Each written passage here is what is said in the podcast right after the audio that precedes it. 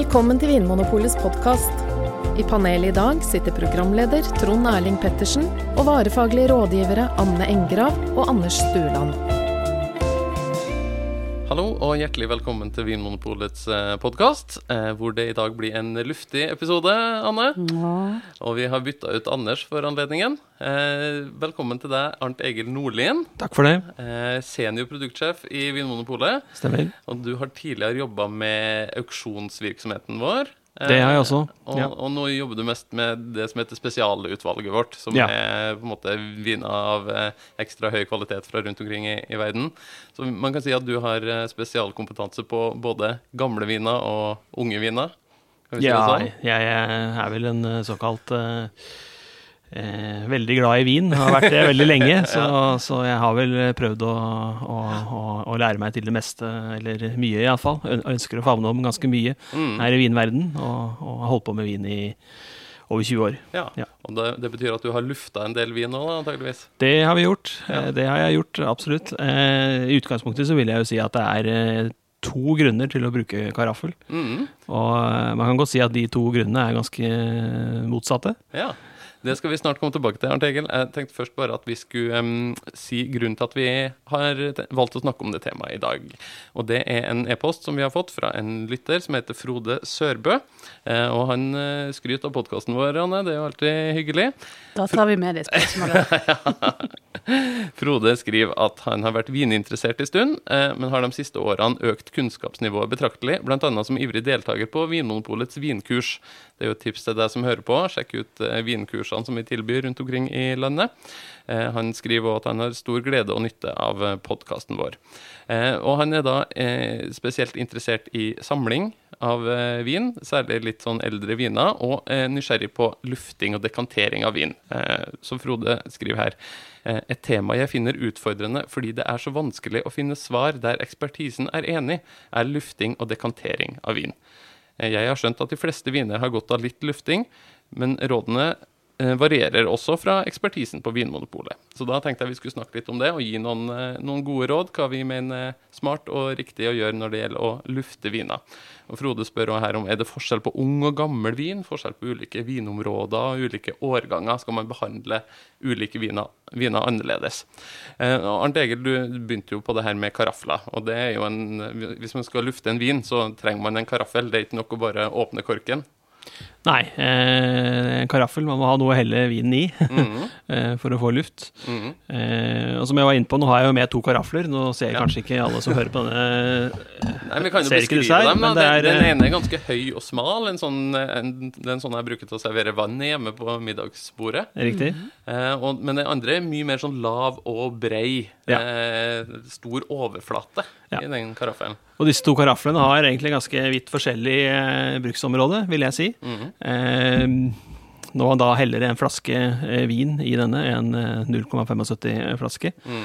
så eh, på denne brede karaffelen så vil da vinen nå opp til akkurat det bredeste punktet. Ja. Den får ja, da en det, veldig det, det- stor overflate. Mhm. Mm. Ja, den er, det er nesten som en sånn dyp, stor, dyp tallerken, der vinen får en veldig stor overflate i, i bunn. Ja. Eh, mens i den andre så er det jo nærmest som ei flaske der vinen liksom følger noen rette vegger oppover. Det er helt motsatt, og når du har helt oppi vinen, så kommer den på det punktet som er aller tynnest, og Mm. som kanskje ikke er så forferdelig mye tykkere enn en flaske, flaskehals, Mm. eller iallfall en vinflaske. Ja. Og, og, Eh, og du sier man bruker det på, til to ulike Ja. typer vin? Eller? Det er to grunner til å, til å helle vin på karaffel, og det ene er jo hvis det er en veldig gammel rødvin, eh, som da gjerne har bunnfall. Mm. Eh, da er det behov for å, for å skille bunnfallet fra vinen. Ja, det er det her litt eh, mørke grumset som ofte legger seg i bunnen av flaska, som det kan være litt ubehagelig å få i glasset stemmer. og mellom tennene. Absolutt. Eh, det kan være mer grumsete i enkelte typer vin, og i andre typer vin så kan det også være veldig mye finere, nesten støvaktig. Ja. Det varierer litt i de forskjellige rødvinstypene, faktisk. Mm, så det er dekantering. Dette man, er dekantering, ja. At man skiller vinen fra det faste bunnfallet grumset i flaska. Og da eh, er det ikke nødvendigvis slik at vinen trenger så veldig mye luft, men du trenger altså å skille de fra, og da bruker du en karaffel som ikke har så veldig stor overflate Mhm. til dette. Var det her noe du drev med Anne, da du jobba som eh, vinkelner på restaurant? Måtte du ofte dekantere gamle flasker? Mm, nei, nå var jeg eh, på restauranter som ikke hadde så mye gammel vin, men jeg husker på vinkelneren, da var det jo et sånn eh, Det var en egen øvelse, det. Å, å dekantere og det å tenne dette lys Du tenner et lys bak flaskehalsen. flaskehalsen. Og jeg er fryktelig klønete av meg, og jeg var ikke på den timen, for det sånn. Da måtte man opp én og én og tenne det lyset, og, skulle liksom stoppe akkurat idet grumset kommer. Da. Ja, for da hjelper det lyset sånn at du ser gjennom flaskehalsen, og du ser når grumset Det er, litt sånn, det er noe litt sånn magi over Ja, det er sånn seremonielt Ja, over det det er her. sånn Ja, i, gamle dager så brukte man stort sett, eh, stort sett altså et, et telys, som du snakker om, eller stearinlys. da. Jeg må jo si at Dette er jo mer en praktisk greie, så i Ja. dag så bruker du stort sett iPhone. Ja, Den fungerer akkurat like bra, og, og kanskje mulig til og med enda bedre enn en, en det gamle lyset. Kanskje ikke like romantisk, men, eh, men eh, det er ingenting gærent i å bruke lyset fra en, en telefon eller en, til og med en lommelykt, altså, for den saks skyld, hvis det var en som kan stå på bordet. Mm. Eh, Så bruk gjerne det. Ja, for det er jo bare rett og slett fordi at flaska ofte er grønn og mørk i fargen, så det er ikke så lett å se gjennom. Ja, Det handler er om å se gjennom flaska, slik at du kan se når dette grumset kommer. Mm. Så er det jo veldig viktig, da, hvis du har en gammel vin, eh, særlig en med mer enn kanskje en 15-20 års alder, at du lar denne stå oppe en stund før du serverer denne. Ja, ikke sant? For hvis du har en vinkjeller der flaskene ligger, så ligger på en måte grumset langs sida av flaska. da, Så Ja, det er lurt ja. å la flaska stå en stund. Ja, Et- hvor lenge et, da? Et døgn. Min erfaring er at uh, minst et døgn, tre-fire helst, og Ja. opp til en uke kan også faktisk være foretrekk. Også. Så planlegg middagsselskapet i god tid, da. er Ja. rådet. Det er nok rådet hvis du planlegger å drikke en uh, veldig gammel flaske. Ja, Og så er det da lufting som er noe annet enn dekantering, eller man ønsker i hvert fall å oppnå noe annet. Det er noe annet. Da tenker jeg at en eh, sånn bred- bredbundet eh, Mm. karaffel, det bruker du når du skal gi mye luft til vinen. Og det tenker jeg er et bruksområde da på en veldig ung vin, Ja. som, eh, som eh, er, eh, har behov for luft, rett og slett, for å åpne opp eh, frukten. ja, hvorfor har en ung vin behov for mer luft enn en gammel vin? Kan du si noe om det? Den, eh, det, det, det er litt forskjellige grunner til det, og eh, ofte så har det litt med, med eh, Hva skal jeg si eh, Hvordan man pleier å gjøre det i de forskjellige vinområdene. Eh, enkelte viner lages jo gjerne f.eks. litt reduktivt, dvs. Si at eh, man tilsetter litt lite oksygen under prosessen, slik at eh, vinene framstår gjerne litt reduktive akkurat i det øyeblikket du åpner dem. Så man prøver å holde lufta, altså oksygenet, så mye unna som mulig i produksjonen av vinen. At, Det gjør man, ja. At man Ja, jobber i et så lufttett miljø som, som mulig for å beskytte vinen. Mm. Men det gjør at vinen da lukker seg på en måte litt i flaska. Og, Den, den lukker seg jo idet man åpner den, og heller litt, litt grann i, en, i et glass. Hvis man prøver det, så vil den ofte ha litt sånn, eh, sånn toner av litt sånn gummi. Noen kaller det faktisk litt metallisk. Jeg, jeg syns ofte gummi er et beskriv, beskrivende for reduktive viner. Ja. Og Ja, eh, eller brent hår. Det er også en Ja. eh, bra Ja. knagg for reduktivitet. kanskje Og- ikke så ensartet beskrivelser, men eh, et sted i området der, altså. Men, men det handler i hvert fall om et sånt fravær av frukt, som kanskje er Det er fravær av frukt. forbinder med å lukte på en vin. Da lukter man gjerne frukt og bær, og det, når det ikke er så tydelig, og det er mer sånn gummi, brent hår og litt lite fruktig, så kan vinen være reduktiv. Det kan være, og da vil det ofte hjelpe å, å, å få gitt den ganske mye luft. Mhm. Da ville jeg helt den i en bredbundet eh, karaffel og latt den stått i et par timer. Og, og sett om ikke det, det, det kommer litt mer frukttoner eh, til, tilgjengelig. Ja, og da er poenget da selvfølgelig å få mest mulig luft inn i vinen. Da. Det er derfor vi vil en, eh, ha en stor overflate i karaffen. Ja, Derfor vil du ha en stor overflate. Du trenger mye luft, og du kan også faktisk eh, riste litt på den. Ja. Og prøve å få enda mer luft ved å riste, eller riste litt rundt. Mm. Anne, vi har jo testa ulike metoder å lufte vin på. Ja, det var veldig kreative metoder. og det må jeg si, det, det var jo egentlig ditt prosjekt, og du lurte oss eh, litt eh, trill rundt. Mm. Husker du, du noen av metodene vi brukte? Ja, jeg husker det, de rareste metodene best, egentlig. Du hadde helt en vin på en sprayflaske. Ja, det gjorde vi. Da får man jo spraya masse luft inn i vinen. Sykkelpumpe brukte vi. Eh, og så brukte vi langpanne. For jeg tenkte at hvis bredbunna karaffel er bra, så må jo langpanne være enda bedre. Ja. Og så det mest ekstreme var jo at vi kjørte rødvin i blender for å se om eh, det kunne liksom piske luft inn i vinen. ja. Det var vel ingen av de her metodene som var kjempevellykka. Nei, for vi vi fikk jo ikke vite hva som har blitt gjort med vinen før vi Du hadde helt alt tilbake i eh, vanlige sånn flaskekarafler, som Mm. den høye, slanke som ble beskrevet her. Og så alt så likt ut. Ja. Og så, og så var det samme vin, og så skulle vi prøve det. kjenne etter forskjeller. Mm. Og med unntak av den der langpanna som hadde hatt noe sånn Plattfolie i, for den var ikke så godt vaska, den langpanna. Ja, det var ikke så heldig med den, da. Nei. Nei, og den blenderen ble òg vel, vel voldsomt mot vinden, så vidt jeg husker. Så, Ja. Men det er jo et tips som han en, Nathan Myhrvold Ja, en sånn eh, amerikansk eh, Hva skal vi si eh, Ekstremkokebokforfatter. En sånn Ja. veldig modernist på kjøkkenet. Tipser jo om det i en av kokebøkene sine, om å bruke blender til å lufte eh, rødvin. Jeg syns det høres litt voldsomt ut, altså. Jeg må si det. Jeg vil nok heller anbefale karaffel og litt risting og litt tid. for, forsiktig risting og tid. Mm. Eh, og hvordan forandrer da vinen seg når den får luft? Vi, vi har nå snakka om hvordan vinen er når det er nyåpna og reduktiv. Hva er det som skjer da når vinen får luft? Når vet man at den har lufta nok? Du, du vil nok merke frukten bedre, rett og slett. Eh, Så, så, så duftinntrykket er nok det viktigste. Eh, Du vil nok også merke at vinen får mer frukt i, i munnen, at den blir litt mer sånn kremete, litt rikere. Mm. Eh, Det, det vil den også bli. Mm. Eh, Så når vinen lukter mer fruktig og nyansert, og det skjer mer når du lukter på vinen, da har den på en måte fått luft? Da har den fått luft, ja. og da, Men når vet man at, hvordan vet man at, det ikke, at den ikke trenger enda mer luft? Om det kan bli enda bedre? Nei, altså, det er jo for så vidt litt av problemet med reduksjon, at det er jo enkelte viner i dag som er så reduktive at uh, eneste måten eventuelt å, å få bort reduksjonen på, er å lagre dem veldig, veldig lenge. Ja. Uh, vi, vi pleier å si at da er re- re- reduksjonen litt mer støkk, altså den sitter litt mer fast. Mm. Uh, jeg er jo faktisk av den tilbøyelighet til å si at det er faktisk en feil ved vinen, Ja. eh, hvis den er så reduktiv. Mm. Eh, og jeg syns faktisk det er grunnlag for å levere en flaske tilbake igjen. Mm. Men, eh, men derom strides eh, egentlig de lærde. Ja. Så, Men- så, så ja, så noen, noen flasker vil aldri slippe det, det reduktive taket, selv når du lufter den lenge nok. Jeg husker vi hadde en sånn eh, huskeregel eh, i SPI, der vi skulle vurdere om når er det når er når er det blitt for reduktivt? For én ting er at hvis du kan eh, lukte det tydelig, så er det ikke nødvendigvis ødelagt allikevel. Men hvis det er sånn at det overdøver alt, og det ikke kommer til noe annen eh, aroma overhodet, Hvis det ikke er noe frukt i vinen i det hele tatt, liksom, og Nei. det ligger som et, denne reduktiviteten ligger som et lokk over alt det gode i vinen du sitter igjen med ettersmaken, og ettersmaken er kun dette her eh, hva skal man kalle det? mm.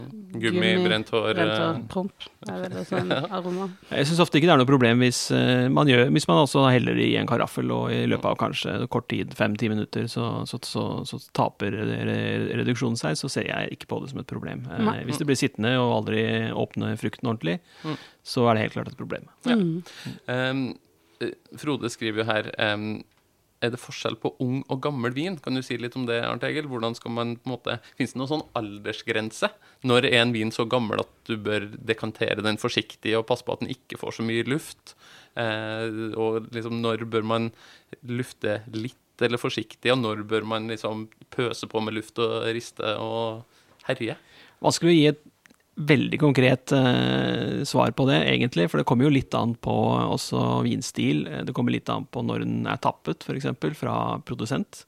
Eh, og så er det jo også noen, eh, noen viner som utvikler seg saktere enn andre. Eh, så hvis det er noen, eh, stil, noen typer vinstil som utvikler seg fort, så ville jeg vel stort sett ikke gitt det noe særlig tid på karaffel i det hele tatt. Da ville jeg helt eh, servert det fra flaske, rett og slett. Ja, så det er gjerne de her klassiske områdene som er kjent for at vinene kan lagres veldig lenge, da, som du først og fremst bør eh, bruke karaffelen på. Ja, og, eh, og så har du noen druer som er kjent for å være veldig reduktive. F.eks. Syrah er jo en drue som er kjent for å gi veldig veldig reduktive viner. Mm. Eh, og der syns jeg karaffel kan være nesten alltid et, et, et, eh, en god ting. Um, men hvis, hvis vi tar Bordeaux som et eksempel, da. La oss Mm. si at du har en, eh, en 60 år gammel Bordeaux foran deg, Ja. og en som er 20 år, Ja. og en som er 5 år gammel. Mm. Hvordan ville du behandla de tre ulike vinene? Jeg tror eh, iallfall de to eldste ville jeg ikke brukt karaffel på. På verken 20 år eller 60 år gammel Bordeaux. Da ville du vært veldig forsiktig. Ja, altså jeg ville jo Du dekan ville jeg ville dekantert den, men ikke brukt noe tid. Jeg ville etter det altså, servert den med en gang. Ja. Faktisk så vil jeg si at Bordeaux er en av de vinstilene som veldig veldig sjelden er reduktiv. Så til og med den fem år gamle kan du servere rett fra flaska, vil jeg si. Men, eh, men, eh, men litt karaffeltid kan jo gjøre at, eh, at den avrunder kanskje litt tanninene, får litt mindre skarpe kanter. Som kanskje folk kan oppleve positivt. Men, eh, men eh, jeg syns Bordeaux faktisk sjelden er, er, er et problem å servere rett fra flaska, selv ung. Hva med Nebbiolo eller Burgund, noen av de andre klassiske rødvinstilene? Burgund er jo en, en, stil som ofte er litt reduktiv. Særlig har det vært veldig fasjonabelt den siste tiden å lage de reduktive. Så en ung burgunder ville jeg ha dekantert. Helt klart gitt uh, tid på karaffel. Uh, et par timer, minst. Et par timer på en ung burgunder. Ja. Men hva med en gammel burgunder, da? Hvis du er heldig og får tak i noe som er da ville jeg ikke ha gitt det noe tid, nei. Den ville jeg servert med en gang. Mm. Ja. Nebiolo Nebbiolo spør jo eh, Frode om her òg. Han eh, nevner det som en, et interesseområde senere i posten sin. Ja, han nevner det. Og Nebiolo er jo en av de vinene hvor det har vært eh, ganske vanlig å, å, å gi ganske lang tid på karaffel. Også for gamle viner.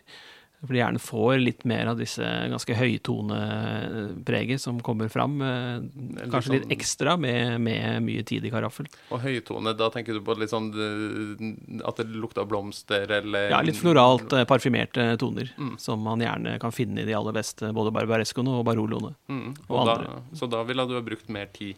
på karaffen? Da ville jeg nok prøvd å, å, å gi den et par-tre timer, ja. Mm -hmm. Ja, hva er liksom minstegrensa? Altså, hvis du bare har tenkt på det en halvtime før. Er det noe vits i det hele tatt da? Ja, altså jeg ville prøvd allikevel. Jeg ville gitt den så mye tid jeg klarte. Dessuten så drikker du ikke opp hele flaska med en gang, sånn at den står jo litt eh, videre også. Mm. Eh, og har da muligheten også til å følge den litt. Eh, så er det jo klart at idet du drikker en gammel vin, så, så, er jo også litt av problemet at, eh, at da er det jo ganske stor forskjell fra, fra flaske til flaske. Eh, slik at eh, det du gjør med én flaske, er ikke nødvendigvis korrekt for neste, selv av samme vin. Også. Så dessverre, så, såpass vanskelig er det med gamle flasker. Ja, altså man må kanskje føle seg litt fram da, og på en måte prøve å skjenke opp et lite glass av vinen og vurdere hvordan hvordan er tilstanden til den vinen her? Er den lukka? Er den åpen? Trenger den noe videre behandling? Ja, kanskje man også vet noe om bakgrunnen til vinen, og man kan kanskje se litt på den om den har en mørk farge gjennom flasken, eller om den ser veldig lys ut. Mørk farge jo... tyder på at den har fått litt luft, da? Eller? Nei, det, Nei, da har den gjerne, gjerne, ikke polemisert så mye tanninene, slik, ja, sånn, ja. mm. slik at, ja, den ofte har mer, mer, liv i seg når den er litt mørkere. Mm. Men ja, Nei, det, man, man, pleier jo gjerne å si at det finnes jo ikke gamle, gode gamle viner, det finnes bare gode gamle flasker. eh, og det er det grunner, grunner til å bruke det uttrykket. Mm. Si det uttrykket. Eh, så nevner Frode her to episoder fra vinkurs som han har deltatt på. Han eh, sier at jeg var på Piemonte-vinkurs nå nettopp. Da var vinene luftet i over to timer før vi smakte dem. Og luftingen besto av at flasken var åpnet, vinen helt over på kanne, karaffel, og så tilbake på flaska. Eh, så skriver nå Eh, dagen før var jeg på kurs i klassisk fransk rødvin. Der besto luftingen av at flasken var åpnet en time før, før kurset, men ikke helt fram og tilbake. Kursholder mente at åpen flaske var lufting god nok. Dette er det to andre metoder. Da. Bare rett og slett å eh, dra korken ut av flaska og la flaska stå et par timer. Og så er det det som vi kaller for dobbeldekantering, at du heller vinen over på karaffel og så tilbake på flaska igjen. Ja. Er det her to gode metoder? Ved dobbeltdekantering så, så, så, heller du jo vinen over, og den utsettes for ganske mye oksygen. Og den utsettes også for like mye oksygen på vei tilbake igjen i flaska. Det vil si at eh, du får uh, gjennomluftet vinen ganske godt. Så, så, så dobbeltdekantering har helt klart eh, noe for seg. har du litt dårlig tid og du har en ung vin, så kan du prøve det. det da gir du veldig mye luft på veldig kort tid, og, og det kan åpne vinen. Mm. Det, det men, men ikke blender, altså? Jeg eh, vil heller bruke dobbeldekantering enn blender. Det er min anbefaling. Safety first. Ja. Ja. Men det å bare dra korken ut av flaska, da, hvorfor er ikke det noen god metode å lufte vinen på? Nei, Det gir ikke noe særlig ekstra til vinen. Altså det, den lufta som uh, kommer ned i den flaska, er minimal. Og vinen står stort sett i ro, så det skjer veldig lite med den. også. Og det blir en ganske liten overflate øverst i den flaska der òg, hvor, eh, hvor vinen møter lufta. Det er vel på størrelse med et en femkroning eller noe sånt, kanskje. Så, ja, det er ganske lite. Ja. Mm. Eh, hvordan pleier du å gjøre det hjemme, Anne, når du skal drikke vin? Hvordan er ditt lufteregime?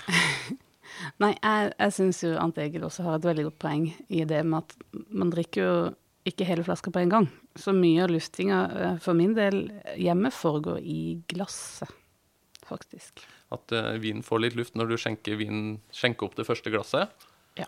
Og så sjekker du kanskje da hvordan det står til med vinen, og den, du snurrer på glasset og du gir den litt nesten samme behandlinga som du gjør med den bredbunna karaffen. da, Når du snurrer litt på den. Du gir vinen på en måte den samme samme da er det jo også mindre behandlinga. volum vin i glasset, da, så det, det skal Mm. da teoretisk sett gå raskere i Ja. glasset også.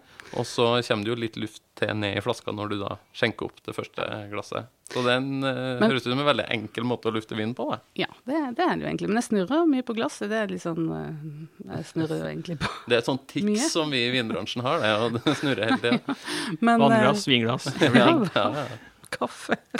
ja, det kan gå galt hvis du snurrer på kaffekoppen. Men eh, jeg må jo si det at akkurat eh, jeg, Igjen, en annen ting jeg er enig, med- veldig enig med deg, er dette med eh, reduktive viner. Hvis det er noen som er veldig, veldig reduktive. Da må jeg også ta helle hele flaska i en litt sånn brei karaffel, så du får, får sett om den endrer seg litt, da.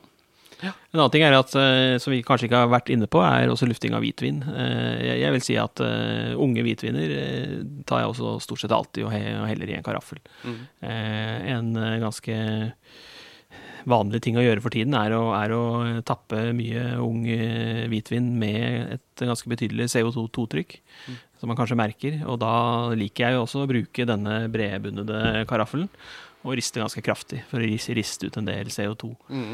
Eh, CO2 gir jo litt friskhet, men eh, samtidig så binder det veldig mye av aromaen i, i vinen. Og ved å få dette ut, så syns jeg ofte du får en rikere frukt og en litt mer kremete munnfølelse som, som er veldig mye mer behagelig. Det kan også gjelde eh, hvitvin på kartong, f.eks. På bag-in-box, som gjerne er tappa med en del svovel, som beskytter vinen mot luft, men som må dempe mye av det aromatiske i vinen. Så det kan også være et tips til deg der hjemme hvis du skal drikke vin fra, fra en eh, pappkartong, fra en bag-in-box, så hell den over på karaffel, så kanskje vinen blir enda mer fruktig og åpen. Absolutt veldig lurt. Det er jo egentlig et paradoks, det at det, eh, lufta er jo både med på å lage vinen og ødelegge den. Mm. Så det er noe med det å finne denne balansen både i produksjonen, selvfølgelig er det veldig viktig, men også når vi får den hjem i skapet, og når vi skal ha det i glasset, karaffelet. Så det er en sånn for mye og for lite. Mm. Ja, liksom litt av hvert. Ja, hvordan merker man at en vin har fått for mye luft? Hvordan kan du lukte, smake det på vinen? Da får den rett og slett eh, eddikstikk. Altså du, du lukter eh, Du får disse litt sånn volatile, balsamiske tonene, og etter hvert også mer og mer oksidasjon. Ja, så da lukter og smaker vinen litt, litt som eddik, og litt som eh, måte frukt som har blitt litt brun i kantene, hvis Ja, vi skal si ja. det på den Og måten. de, ofte så vil vinene etter hvert bli ganske korte. De blir ofte ganske tørre i finish. Mm, Det er ofte et av de første tegnene på begynnende oksidasjon. oksidasjon. mm. Um, årganger spør jo Frode om her. Eh, noen sa til meg at Bordeaux fra 1990-årgangen ikke skal luftes, da det var et meget varmt år. Kreves slik detaljkunnskap for at man ikke skal tråkke feil på dette? Altså her er det jo egentlig to spørsmål. Altså, må man ta hensyn til, til årgangen? Skal man behandle en vin fra en varm årgang eh, annerledes enn en kjølig årgang?